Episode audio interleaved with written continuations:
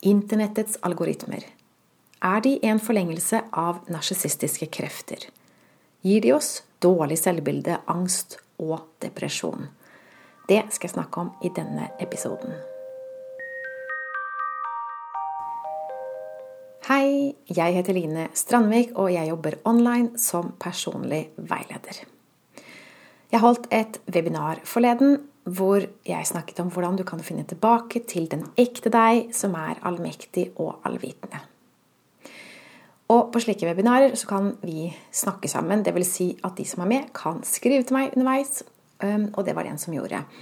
Og hun skrev at mange kyniske narsissister ødelegger for oss, både i nære relasjoner, men også på nett, i sosiale medier, hun snakket om algoritmens makt, som skaper dårlig selvbilde, angst og depresjon.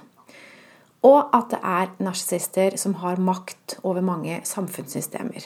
Barnevern, advokater osv. Og det her var en dame som jeg ikke kjenner, jeg har ikke jobba med henne, men ut ifra det hun skriver, så tipper jeg at hun har god erfaring med narsissisme i nære relasjoner. For det har jeg i hvert fall opplevd i både meg selv og med de jeg har jobba med, at jo mer vi lærer om det her på privaten, jo mer begynner vi å se hva som skjer i verden. Vi begynner å se at det er narsissister som styrer verden. Så enten du føler deg undertrykt i en nær relasjon, en arbeidsrelasjon eller som samfunnsborger, så vil jeg du skal vite at måten du blir fri på, er akkurat den samme. Og ja, det er mulig å bli fri. Men først en klassisk tabbe. Det vi typisk tenker først, er at vi tror at andre må forandre seg. Så hvis du er i en nær relasjon med en narsissist, så prøver du å snakke med personen, prøver å få personen til å endre mening, til å se din side av saken.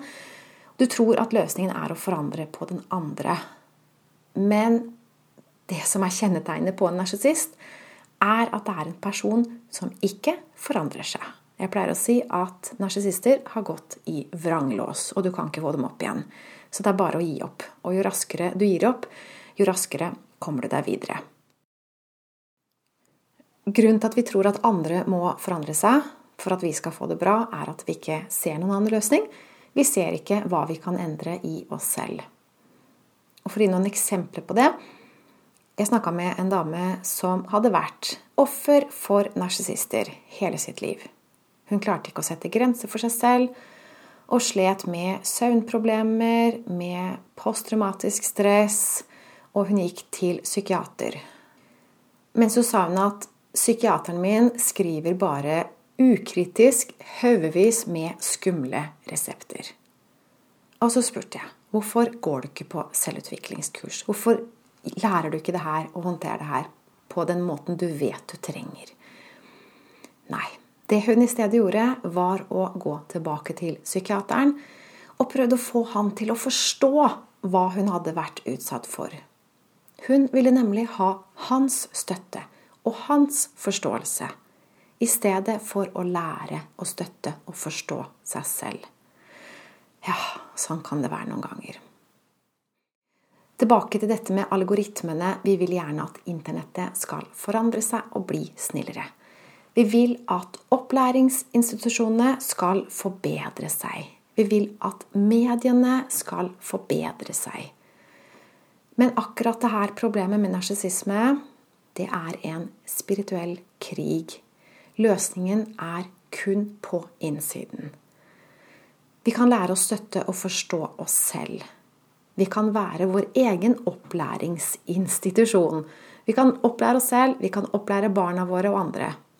Og vi kan være våre egne medier. Hver gang du åpner munn og snakker din sannhet, så er du en mediekanal.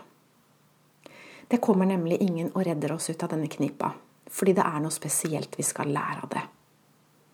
Hva tror du det er?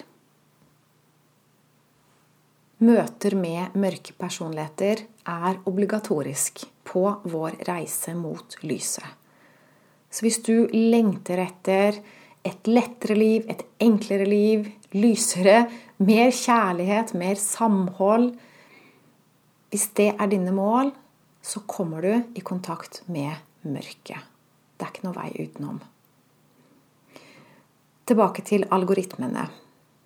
De virker som forstørrelsesglass som forsterker våre røde punkter. Altså alt som er vondt inni oss. Gamle traumer, gamle sår, frykt, angst, depresjon.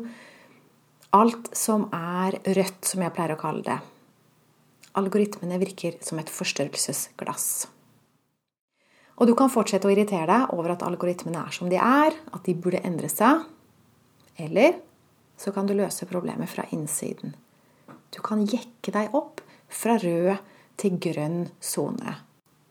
Grønn sone, det er alt som er lyst og godt og varmt og kjærlig og trygt og deilig. Det er grønt. Så ved å jekke deg opp fra rød til grønn sone, da vil ikke algoritmer, da vil ikke kritikk, da vil ikke narsissistiske angrep virke på deg lenger. Alt det her vil prelle deg som vann på gåsa. Det er måten vi takler narsissister på, og det er måten vi takler algoritmene på. Algoritmene har ikke noe makt over oss. Narsissister har ingen makt over oss annet enn den energien og makten vi gir dem gjennom våre sår, våre uhelbreda sår.